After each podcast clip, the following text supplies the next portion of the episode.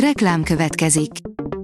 A műsort a Vodafone Podcast Pioneers sokszínű tartalmakat népszerűsítő programja támogatta, ami azért jó, mert ezzel hozzájárulnak ahhoz, hogy a felelős üzleti magatartásról szóló gondolatok, példák minél többekhez eljussanak.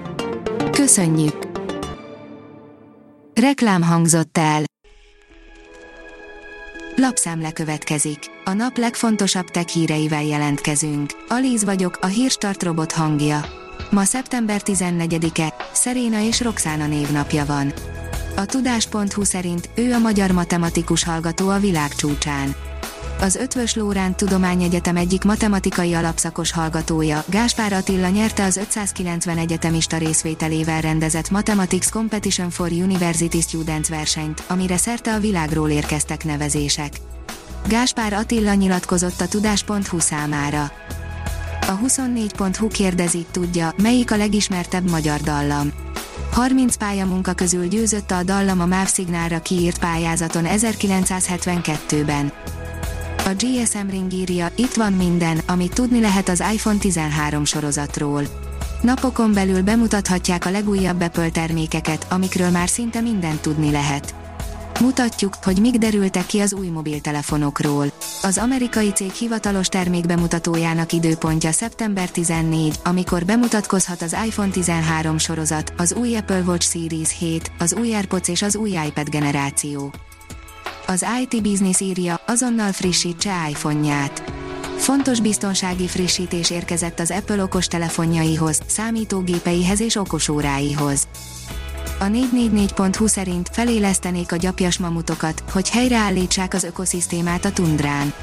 Egy tudósokból és vállalkozókból álló csapat alapított is erre egy céget, már csak pár mamut embriót kéne összehozniuk. A Bitport szerint 12 milliárdért kelt el a postás majom. Az Intuitnak ennyit is megért a MailChimp, amelynek eszközeit integrálva egy komoly, a kisvállalati igényeket szinte mindenben kiszolgáló digitális platform születhet. Fényképeken egy állítólagos AMD bányászkártya, aggódhatnak a játékosok, írja a PC World.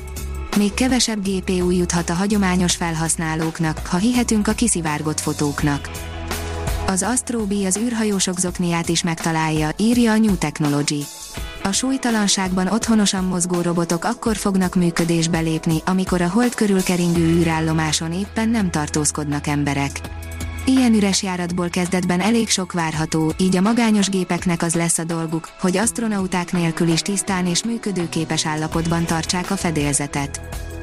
A Promotions szerint ezzel a fantasztikus kütyüvel több millió vak és gyengénlátó tájékozódását segítik. Japánban okos cipőt készítettek annak érdekében, hogy segítsék a vakok és gyengénlátók tájékozódását.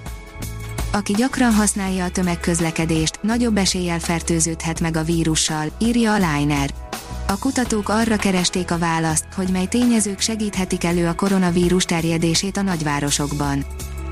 Az okosipar.hu oldalon olvasható, hogy a világ legokosabb kampusza a Siemens segítségével. A Siemens együttműködésének köszönhetően a Birminghami Egyetem kampusza óriási lépést tehet a jövő felé.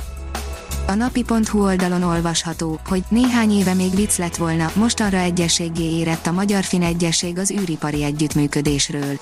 Magyarország és Finnország űrkutatási űripari együttműködésről állapodott meg, aminek nyomán a magyar vállalatok és egyetemek szorosabban fognak együtt dolgozni finn partnereikkel közölte a tárca szerint Szijjártó Péter külgazdasági és külügyminiszter kedden Helsinki-ben. Sikeresen elindult a SpaceX Starlink Group 2 egy küldetése, írja a Space Junkie.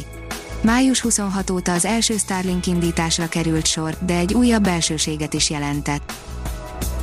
A Hírstartek lapszemléjét hallotta.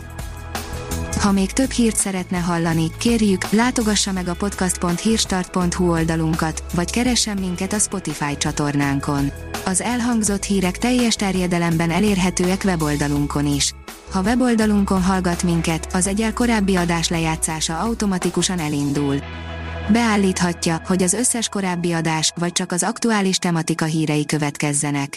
Köszönjük, hogy minket hallgatott!